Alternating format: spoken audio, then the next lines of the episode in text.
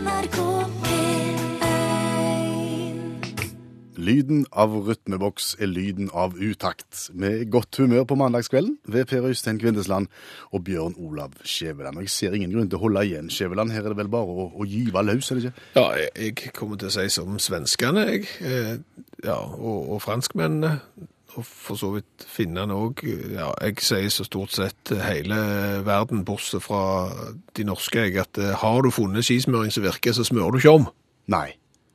Så det betyr at vi går for, for god gammel hattevits til, til åpning? Det betyr at har vi funnet en vits som virker til å åpne uttaksprogrammet med, så forandrer man ikke, vi kjører den eh, om igjen. Men eh, før vi kjører vitsen, bare et lite ord fra våre sponsorer. Denne kransekakevitsen er gjort mulig av Bakermester Harepus. Alltid alt i bakverk. og EPA Sympatic 100. Makulering for folk flest.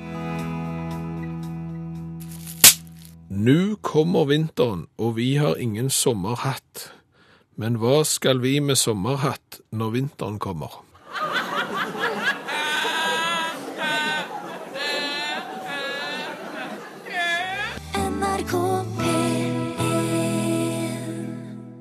Og utakt, eh, det virker på den måten at hvis du har lyst til å ta kontakt med oss, fordi at dette er et direkte radioprogram, og du synes at vet du hva, det der må bare tas opp i kveld, så kan du komme med forslag. Det kan du gjøre ved å sende en sms til 1987 og starte den med utakt, eller så kan du gjøre sånn som Gro Elisabeth har gjort.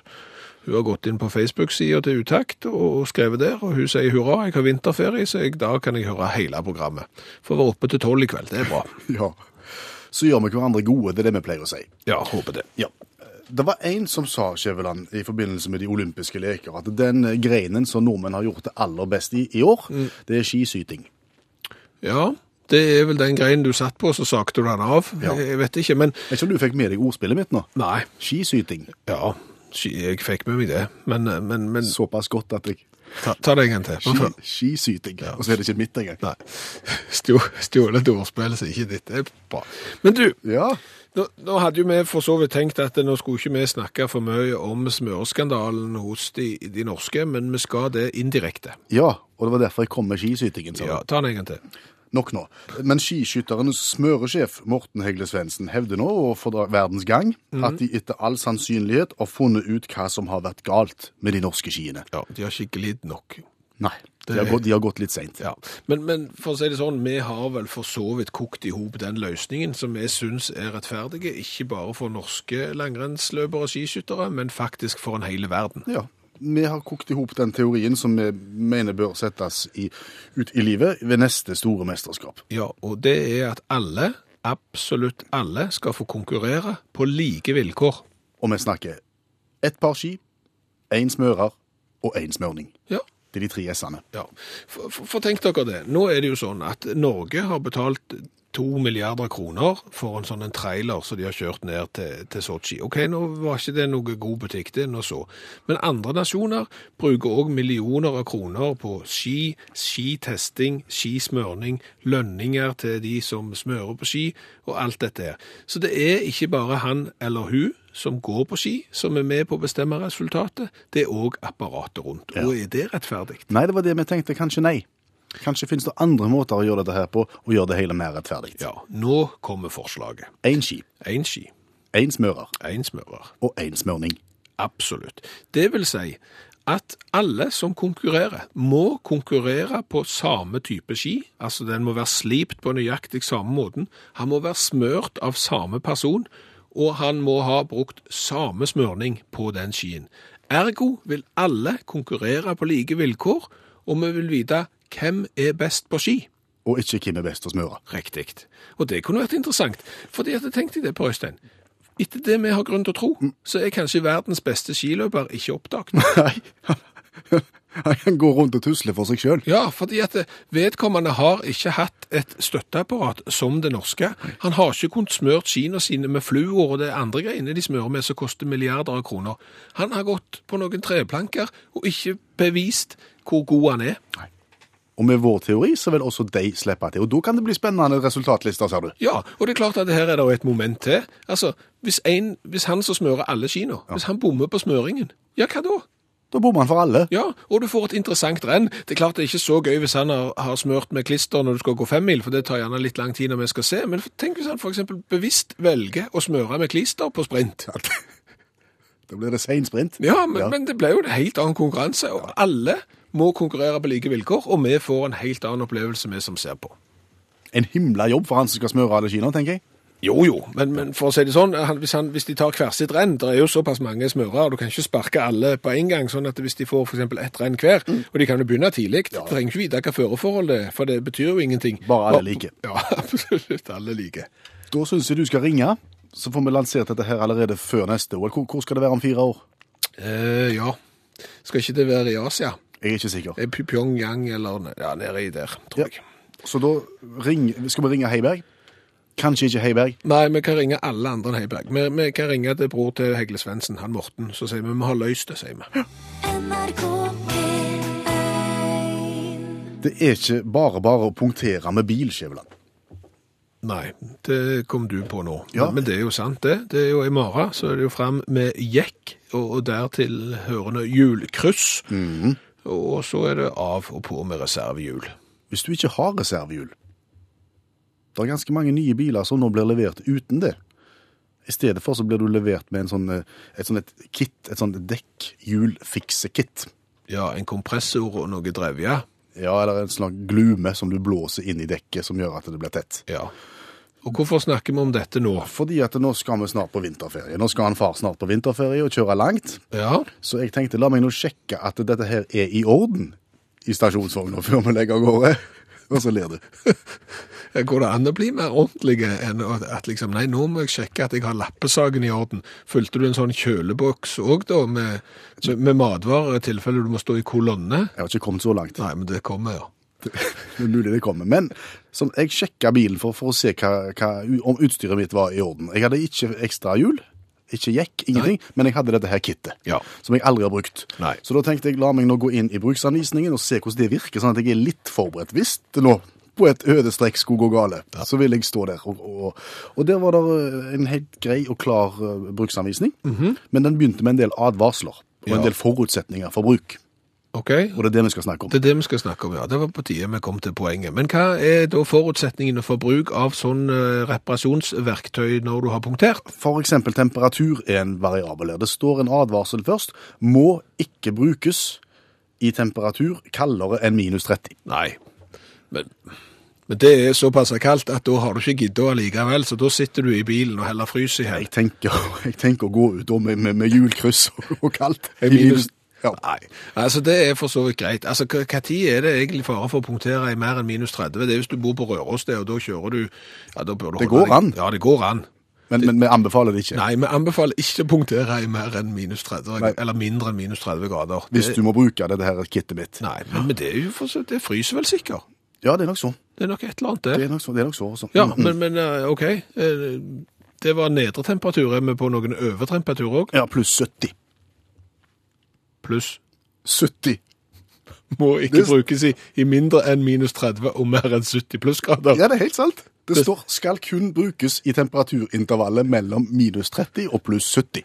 Eh, Og produsenten av bilen er Eh, Ford. Det er Ford, ja. Eh, Kjære alle i Ford, kan jeg få lov å komme med en liten praktisk opplysning. Bare sånn at det, den høyeste offisielle temperaturen målt i verden er visstnok 58 grader og ble målt i ørkenen i Libya i 1922. Og det er 58 grader, og her kan du ikke lappe bilen i mer enn 70. Det vil si at eh, pass på nå så det ikke blir 12 grader mer enn det varmeste som noensinne er målt på planeten. Nei, da skal du Da skal du iallfall bruke solfaktor, tenker jeg.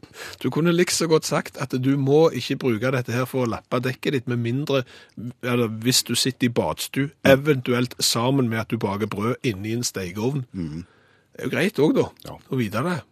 Jeg er veldig glad for at jeg fikk lest det før jeg dro. Nå skal vi ta opp det som eh, har vært et tema for politikerne nå de siste årene, nemlig hvordan står det til i den norske skolen. Dette er et langtidsprosjekt som er starta allerede i august i dette programmet her ved å følge førsteklassingen Vebjørn gjennom tykt og tynt. Ja, fordi at politikerne vil da ha det til at han skal i løpet av sin eh, skoletid ikke lære så mye som de eksempel lærer i Finland. Vi tror vel kanskje at det står bedre til med den norske skolen enn vi tror. All erfaring så langt i dette prosjektet vårt tilsier det. Ja, og vi spurte han hva har du lært denne uka, Vebjørn? Det handler om istid. Å ja, det er tøft. Hvilken da? Jeg syns istid tre var best, jeg. Eller kanskje istid 1. Nå må du ikke tulle det vekk, pappa. Vi snakker jo ikke om filmen Istid. Vi snakker om istid som fenomen. Isbreer som former landskapet. Sånn Udal og Vedal og sånn. Ja, så du kan litt du òg. Ja, jeg har jo hatt uh, ordfag. Det er snart 20 år siden det het o-fag, pappa. Ja, samme det, da. Men hva lærte dere om isbreer? Vi lærte om at isbreene utgjør den største samlingen av ferskvann på jorda. Da tar vi med all is i polare områdene. Og isbreer fins på alle jordas kontinent, unntatt Australia. Ja, Det var interessant. Eh, Men hva må til for at en eh, haug med snø skal kalles en isbre, da, Vebjørn? Isbreer er mer eller- mindre permanente samlinger av is og hard snø, som har en tilstrekkelig tykkelse og tyngde til å flyte av sin egen vekt. Som en tommelfingerregel kan man si at når ispakken overstiger 20 meter i tykkelse, vil isen bli plastisk og dermed begynne å bevege seg gjennom det deformasjon. Og denne bevegelsen har forma det landskapet vi bor i. Det landskapet vi bor i på Ålgård? Ja, Ålgård òg. Ikke langt fra huset vårt har vi noen av Norges flotteste eksempler på skubrenner. Ja, Skuvrender er finfint. Vet du hva det er, pappa? Nei, ikke peiling. Det du må huske på, pappa, det er at dalene og fjordene våre Alt det de japanske turistene vil se når de kommer her, er former av isbreer. Isbreer som har slipt, pressa og høvla seg gjennom terrenget. Du kan jo bare tenke deg hva press 3000-4000 meter med is utgjør på underlaget. Jo, med Vebjørn Jostedalsbreen og svartisen er ikke 3000-4000 meter tjukke. Nei, Jostedalsbreen Ostedalsbreen er sikkert 600 meter tjukke, og svartisen 450 meter. Du må til Antarktis og innlandsisen på Grønland for å finne tusenvis av meter. Men det forklarer jo litt dimensjonene på det frosne vannet. Ja, jeg ser den. Så det har vært ei grei uke, altså. Ja, det er ikke travelt. NRK P1 Spørsmål fra salen? Ja, vi la ut på Facebook-sida til Utakt eh, rett i det programmet starta. Er det noen tema som må tas opp i kveldens program? Merete lurte på hvorfor pandalakrisen sitter fast i tennene. Det er vel fordi han er seig? Ja, og han er såpass god at det, det kan fort bli litt mye, tenker jeg. Ja, det, det kan det òg bli. Så da har du jo et reservoar som du har igjen til når du ikke har mer lakris igjen ut forbi munnen, så har du igjen en del inni. Ja, jeg, jeg, jeg kjenner til en jeg som spiste opp en hel sånn firkanta boks med pandalakris under 10 000 meter til Koss under OL på Lillehammer i 94. Ja, om du hadde mye bedre tid. For å si det sånn, hvis du skal spise den eh, nå i år under OL på 10 000 meter når de norske går, så kan du spise utrolig mye, for de norske skal ikke gå 10 000 meter.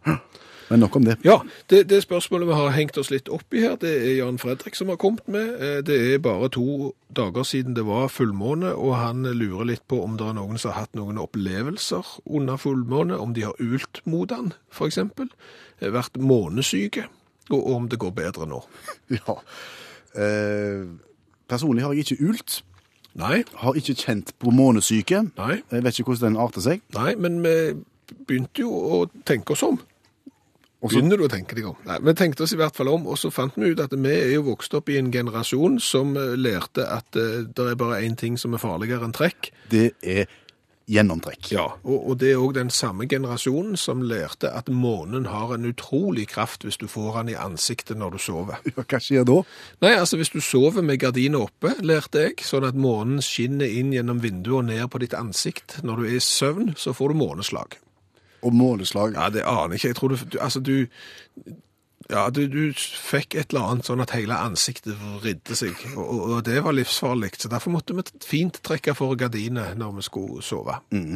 Du skulle heller ikke skjære grimaser mot månen, var det så? Nei, du må, det måtte du heller ikke. Det er en viktig lærdom fra 70-tallet. Hvis du skar grimaser mot månen, det er akkurat det samme. Den har akkurat den samme effekten som å skjære grimaser når det er vind, i sterke vind. Da kan du bli sånn. Ja. Og, og, og spesielt kan du tenke deg å lære unger der, sant? For da hadde vi tomlene inn i kinnet sånn, hang, inn der, og så tar du fegefingeren opp i øynene, og sånn kunne du bli. Ja. Jeg har ikke sett noen. Som litt sånn. Nei, ingen. Jeg har ikke sett så mange som gjorde det mot månen heller, og hadde et behov for å gjøre det akkurat mot månen. Jeg har gjort det. For å prøve om det virker. Ja, og, og, og det er klart, tenk for en dyrkjøpt lærdom det hadde vært hvis det faktisk viste seg å være sant. Au.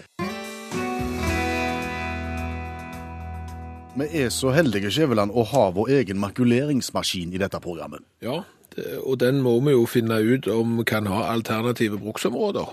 Ja, forrige mandag så brukte vi tiden på HMS for å på en måte luke vekk farene ved bruk av en makuleringsmaskin. Ja, for oppå her så står det eh, svære varseltrekant eh, om at du ikke skal operere makuleringsmaskin eh, iført slips. Det prøvde vi, men det var helt ufarlig. Ja, så derfor så tenkte vi i dag, når du først har en makuleringsmaskin, kan du bruke den til noe som du egentlig trenger. For eksempel å lage pizzaost. Ja, ikke så dumt tenkt. Nei, fordi at det du gjerne har hjemme er en stor kladeis med ost, og så skal du i gang med den der rivinga på sånn rivjern, og det er jo direkte farlig. Ja, da kan du blø på knokene. Ja, og, og det tar tid, og, og det er vrient. Så det vi nå tenker nå, eh, tar jeg ostehøvelen, så skjer jeg ei store, gode skive med ost. Ja, Så eh, tar jeg og legger den oppi makuleringsmaskinen, og så trykker vi på, så ser vi om ikke det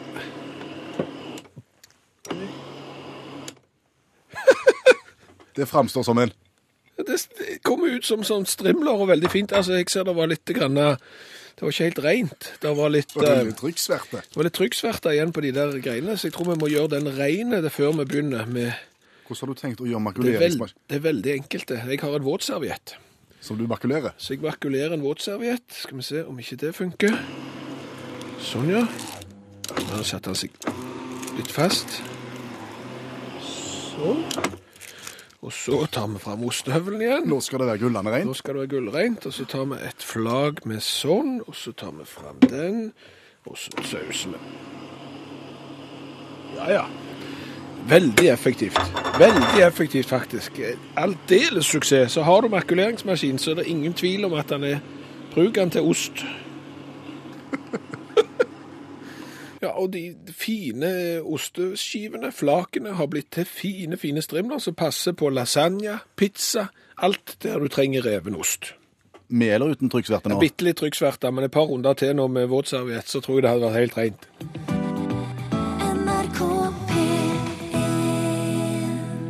Nå, Skjæveland, om eh, OL-øvelsene som forsvant, og som vi savner. Ja, fordi at eh, ja, ja, Hvis du aldri hadde sett OL i hele ditt liv, så er det jo en del øvelser kanskje den dag i dag som vil framstå som noe komiske, men da, det var mer publikumsvennlig før. Det var faktisk stille lengde for hest, ja, det, det var det. har vi blitt fortalt, av allmennlæreren med to vekttall i musikk, Olav Hove, som, som gjerne foredrar om dette her, og han vil stadig tilbake til Paris 1900 og, og, og, og de olympiske lekene det året. Vi har alle vært på idrettsdag og hatt stille lengde, har ikke vi det? Jo da, Det har vi. Eh, I Paris da drog det litt lenger og kjørte et stille tresteg. Um, samme reglene, da. Jeg må spørre deg, var, var det offisiell OL-grein i 1900? Og Ja, det var- Stille tresteg? Ja, det var offisiell. Nå har vi jo snakket en del om prøveidrett her, så, eh, med, med ulike ja, typer, men, men dette her var offisiell eh, greie, da. Eh, så der stilte det opp blant at- atletene og tok tre hopp og kunne bli olympisk mester. Eh, visste jeg at det så såpass dårlig ut at uh, det ble et slags sosialt selvmord innenfor, uh, Usain Bolt-delen av friidretten. Så det, det forsvant liksom eh, ut. Um, men tøft, da. Altså en slags, en slags olympisk jenka. Uh, Tar vekk, vekk hoppet bakover.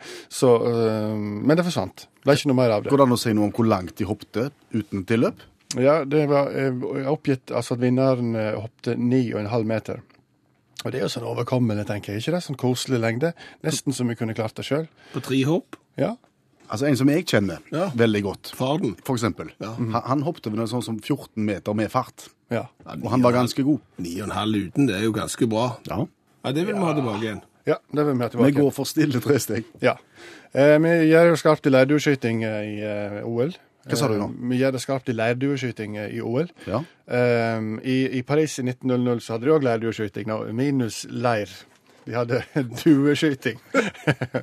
og det er jo eh, Av en eller annen grunn så er det absolutt bak, altså. Det er jo så mye duer. Eh, og da man Alt som er gøy, er vekke. ja, sant. Og Leo de Lunden fra Belgia som skjøt 21 duer. Jeg vet ikke helt hvordan dette der fungerte, men, men han, eh, han, eh, han var, var i hvert fall, ble iallfall olympisk mester med, med å skåte 21 duer. Om de slepte ut en haug, og så sprang de etter de skjøt, det vet jeg ikke. Men, eh, men eh, dueskyting datt ut etter 1900-lekene. Han har sikkert gått på Gran Plass i Brussel, han, og så har han bare Hoi! Og så boom, har han trent. Men nå har vi snakket i ukevis om alle disse kjekke idrettene, greinene som forsvant i forbindelse med, med OL i, i Paris i 1900. Har vi vært igjennom alle vi savner nå? Nei, vi har jo ikke det. Enda mer? Nei, eh, vi, har jo vært vi, vi mangler jo den kanskje den kjekkeste, den som krever mest av mennesket. Så, eh, og som flere av oss har prøvd på sommerstid, som heter krokket. Um, Krokket var en del av programmet i 1900. ja, litt overraskende at det kom på programmet, og ikke overraskende kanskje at det var i Paris det dukka opp. Det var stort sett der de kunne krokket, da. Um, stort sett de som kunne reglene òg, så det var fransk storeslem de luxe. Vant alt, eh, tok fullstendig grotta på resten av verden. Hadde ikke lært de alle reglene, og det, det er jo en ideell måte å, å sanke OL-medaljer på. At, du, at det er din idrett, og du, og du kjenner kun til ja, hallingkast, f.eks. På Lillehammer-OL, det jo var obligatorisk. Men slik gikk det ikke. Nei. Nei. Eh, Men da kan vi føre oss over til neste OL, fordi at på grunn av denne krokket-greiene så, eh, så, så gjorde amerikanerne en vri på det og kalte det for rock. Altså ikke krokket, Og det overlevde litt, altså. ja, delvis, da. Men de forandra litt på reglene. Lagde litt annet underlag og sånne ting, og litt andre regler. Eh, og litt vanskelig å forstå. Eh, rock var ikke så lett å forstå. Eh, forsvant etter 1904 eh, eh, OL. Eh, men eh, amerikansk storeslem ble det der. Ikke overraskende, kanskje. Kan Ja, men da ser jeg jo konturen av et problem vi snart kan havne i. Det er jo at et land dominerer såpass sterkt at til slutt så blir øvelsen fjerna. Franskmennene gjorde store slem i krokket. Amerikanerne gjorde store slem i rock. Norge gjør store slem i langrenn. Ser du hvor jeg vil hen? Ja. Kanskje vi kan bli kvitt langrenn, da. Det skal vi ikke se vekk ifra. Men snart det er over. NRK P1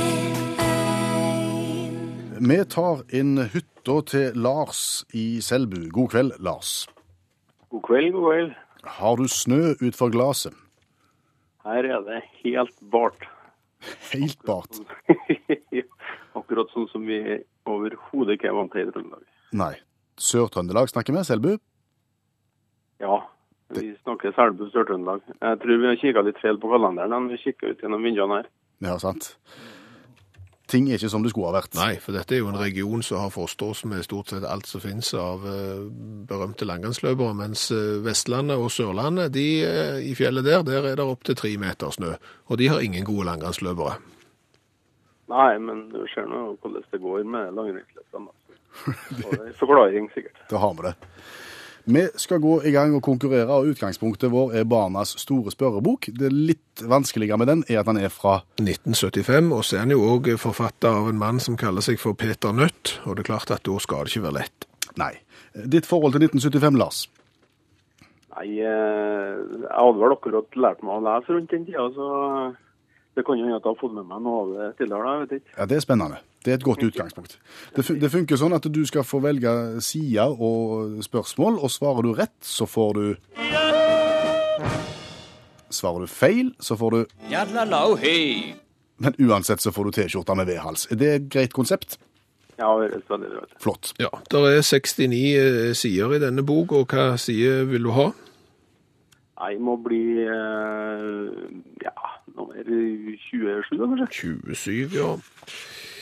Da er vi på temaet 'forsøk deg som amatørfotograf'. Ja, vel. Eh, 11 spørsmål. Da kan du velge fra 1 til 11. Eh, tre. 3. Eh, skal vi se Hvor mange ganger kan en vanlig blitspære brukes? Ta, ta det om igjen.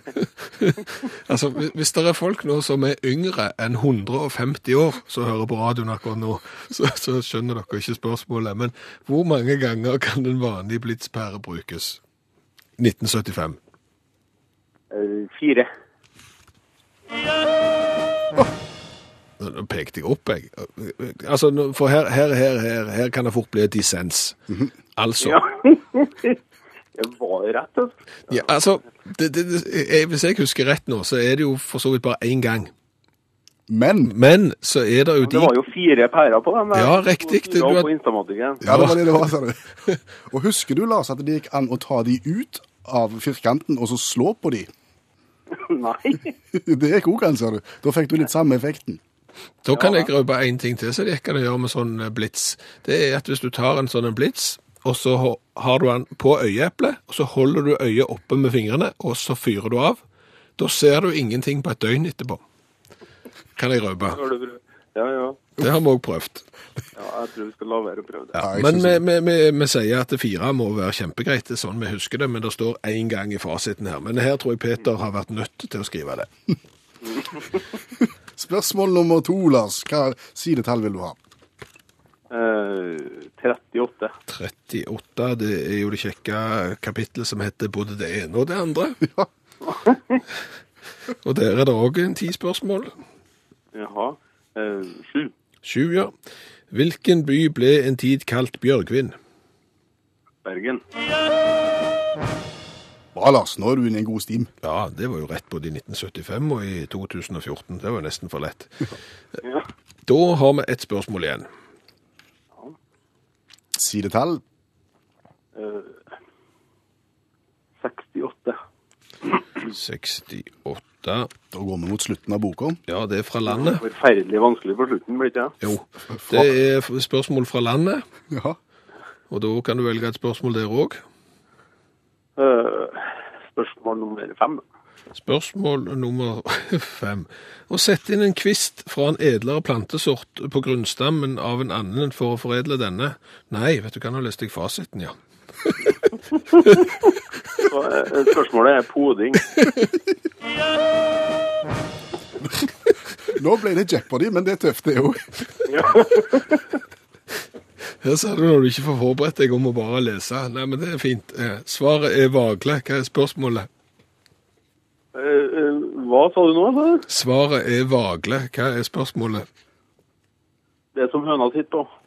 Ja, nå er det fire av Ja, fire. nei, altså. nei, vet du hva, du kan ikke fortsette sånn for det. Det er tidenes mest fortjente T-skjorte, Lars. Ja.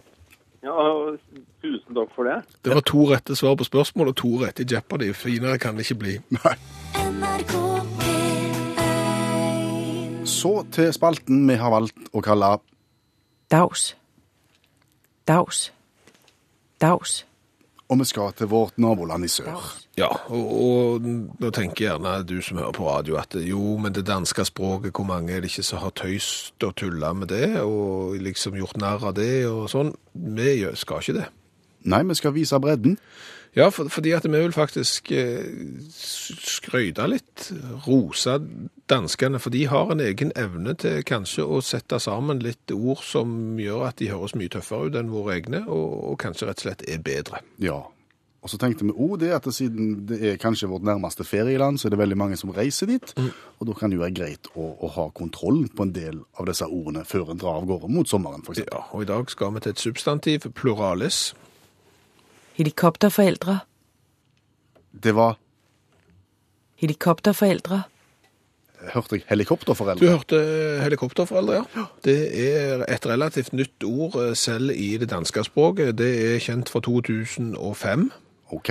Og det, det kan jo du få lov til å gjette. Det er jo det som er litt av oppgaven her. Du har aldri lest fasiten. Du bare har hørt ordet helikopterforeldre. Hva, hva tror du helikopterforeldre betyr?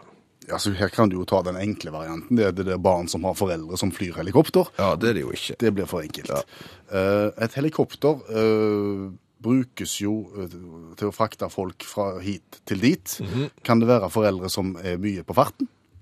Hit til dit? Ja, Det kunne vært det, men det er det ikke. Det er det ikke. Nei. Har det noe med rotoren å gjøre? Nei. Eh, kan du gi meg et tips? Nei. Nei. Men jeg kan komme med fasiten. Nei, men gi, hvis gi, nei, gi meg noe liten Ja, men overvåking. Overvåking, selvfølgelig. Ja. Helikopter som sjekker hvordan ting Ja, kan det være foreldre som alltid passer på hva ungene holder på med, Yes. og som ikke slipper de av syne i det hele tatt? Yes. Overbeskyttende foreldre som holder øye med deres barn. ikke- ikke les dansk. Nei, altså Overbeskyttende foreldre som holder øye med barna sine og blander seg i deres liv, til og med når de er blitt voksne. Det er helikopterforeldre. Ja, og, og satt i en sammenheng i den danske ordboka, altså bekymrede helikopterforeldre forsøker å styre de unge med overvåking på nettet, på mobilen, med teenage-sperre på mobilen og, og narkotest i Viken. for eksempel. Der har du typiske helikopterforeldre, og må for all del ikke forveksles med Kølingforeldre. Med Kølingforældre. Curlingforeldre. Ja, det er noe helt annet enn helikopterforeldre. Det er også et relativt nytt ord fra 2000, og det vil jo da si at du, som når du spiller curling, feier du foran steinene for at de skal bevege seg lett. Curlingforeldre de overbeskytter og, og driver service for ungene uten å stille krav. Altså De bare feier foran ungene, sånn at de skal få en glatt og smooth overflate gjennom livet. Legge forholdene til rette, på en måte. Yes, så da har vi lært både helikopterforeldre og curlingforeldre. Curlingforeldre har vi importert som et ord til, til Norge, men nå får vi ta helikopterforeldre òg. Og alt dette lærte du i spalten vi har valgt å kalle Daus. Dags. Utakt NRK P1, og vi har snakket tidligere i programmet om OL-øvelsene som forsvant for 100 år siden, minst, som vi fortsatt savner. Ja. Eller ikke minst. Ja, fordi at det, det, er jo ingen tvil om at eh, OL i sin spede barndom, altså de moderne olympiske legene i 1896, Seks. vel, eh, fram til Paris og sånn, at eh, da varte det jo nesten i et halvt år. De ble jo aldri ferdige. De kombinerte det jo med verdensutstillinger, så hadde de en øvelse en gang iblant, og så var øvelsene litt sære. Ja. Vi var jo innom krokket, eksempel. Det jeg har funnet i ettertid, var at det var én betalende tilskuer for å se eh, OL i krokket, og han var fra England. Se det. Ja. Vi har snakket om stille tresteg, som, som kom og forsvant. Vi har snakket om langflyting, som kom og forsvant. Ja, og, og så har du jo da eh, den eh, gode øvelsen, altså ikke leirdueskyting, men dueskyting. Fantes også. Det er tøft. Vi vet ikke så mye om dette. Det er allmennlæreren med tovektig musikk, Olav Hove, som vet om det. Og Olav, vi har snakket veldig mye om OL i Paris når du trekker fram det som det store, de store lekene i år 1900 med alle øvelsene som forsvant. Men det fantes vel andre olympiske leker senere som også bøy på kjekke ting? Jo, klart det. Vi kan gå fire år fra eh, Paris, og så kan vi gå til St. Louis. Snakket jo litt om det sist gang. Um, og der er, De har jo sett jonglører, sant? Og, og jonglering er jo en imponerende ting. Der de har tre, fire, fem baller så de holder luftig og sånne ting. Det har aldri vært OL-grein. Jonglering. Men kjeglesvinging, det var OL-grein i 1904. Det var Kjeglesvinging. Hva er det? Du, eh, det, du tar sånn bowlingkjegle, sant? Og så tar du ei i hver hånd. Og så svinger du de i ulike formasjoner. Jeg må aldri forlate hånda, da. Eh, på bedriftsnivå så er det jo en rekke skader innen idretten her med folk som skamsler seg sjøl. Eh, men på OL-nivå så er det klart at det er et helt eh, estetisk uttrykk som, som på en måte rører millioner, vil jeg tro, i St. Louis den gangen. Og folk møtte opp i hopetall på stadioner for å se på kjeglesvinging. Det gjorde de faktisk. Um, Edvard Hennig som vant, og han ble folkehelt med 13,0 poeng i finalen. Og, så, og så forsvant eh, dette her, da, og så kom det tilbake i 32-OL. Og da var det Georg Roth som vant, og han fikk bare 8,97 poeng. altså Så nivået senka seg fram til 32-OL. Eh, Roth ble likevel, eh, ble likevel slags folkehelt, fordi han er kjent for at han eh, tok imot gullmedaljen framfor 60 000 tilskuere. Det er ikke tull engang, det var litt sånn saml- oppsamlingshit. tok imot gullmedaljen og tok bussen hjem eh, med, med, med denne eh, medaljen rundt halsen. da. Georg Roth. Lav poengsum, men folk er helt for det. Kjeglesvinging. Kjeglesvinging. Andre ting? Ja, enhånds vektløfting. Enhåndsvektløftinger. Ja. Det gir seg sjøl, det, Skjæveland. Ja, det er klart. Hvor, hvor- hvor er vi da? Det er sånn skrytegreie, vet du. sant? Jeg tar den med ei hånd. Eh, nei, det er samme reglene som i rykk. Eh, får du, du har ei vekt, slenger den over hodet, setter den ned igjen, bytter hånd, og så ser du, og så over hodet igjen. Tre forsøk med hver hånd, og så legger du sammen, da. Men jeg føler at alle øvelsene du har snakket om, og som du vil ha tilbake innenfor forbi de olympiske leker, det er jo sånn 1900 og 1904. Har det så skjedd noe kjekt i moderne tid? Jo, eh, det er klart det har gjort det. Nå forsvant jo den løpende villsvin med, eh, med norsk gull. Ja. Ja, Særidrett. Eh, skiballett, som var jo en estetisk nytelse i oh, ja, men 94. det var jo nasjonalidrett på Voss. Der var vi jo gode. Ja, der var vi kjempegode. Men det særeste kanskje av alle idretter noen gang var jo i sommer-OL i 88 og forsvant da i 92 i Barcelona. Sånn individuell synkronsvømming. Individuell synkron. Du skulle være synkron med deg sjøl. Ja, det krevde en slags form for normal koordinasjon, da. Um, Hvordan bedømmer du det? Nei, vet du, jeg føler ikke du er i takt med deg sjøl her. Du er ikke helt deg sjøl. nei, du måtte kjenne deg sjøl. Det, det. det blir sånn dobbeltskulder for én mann, på en måte. Uh, veldig sært, altså. Veldig sært. Men uh, Er det store navn innenfor individuell synkronsvømming? Nei, det er ikke det, altså. Det er ikke det. Det er splitta personligheter, men, eh, men ellers så er det lite stjerne.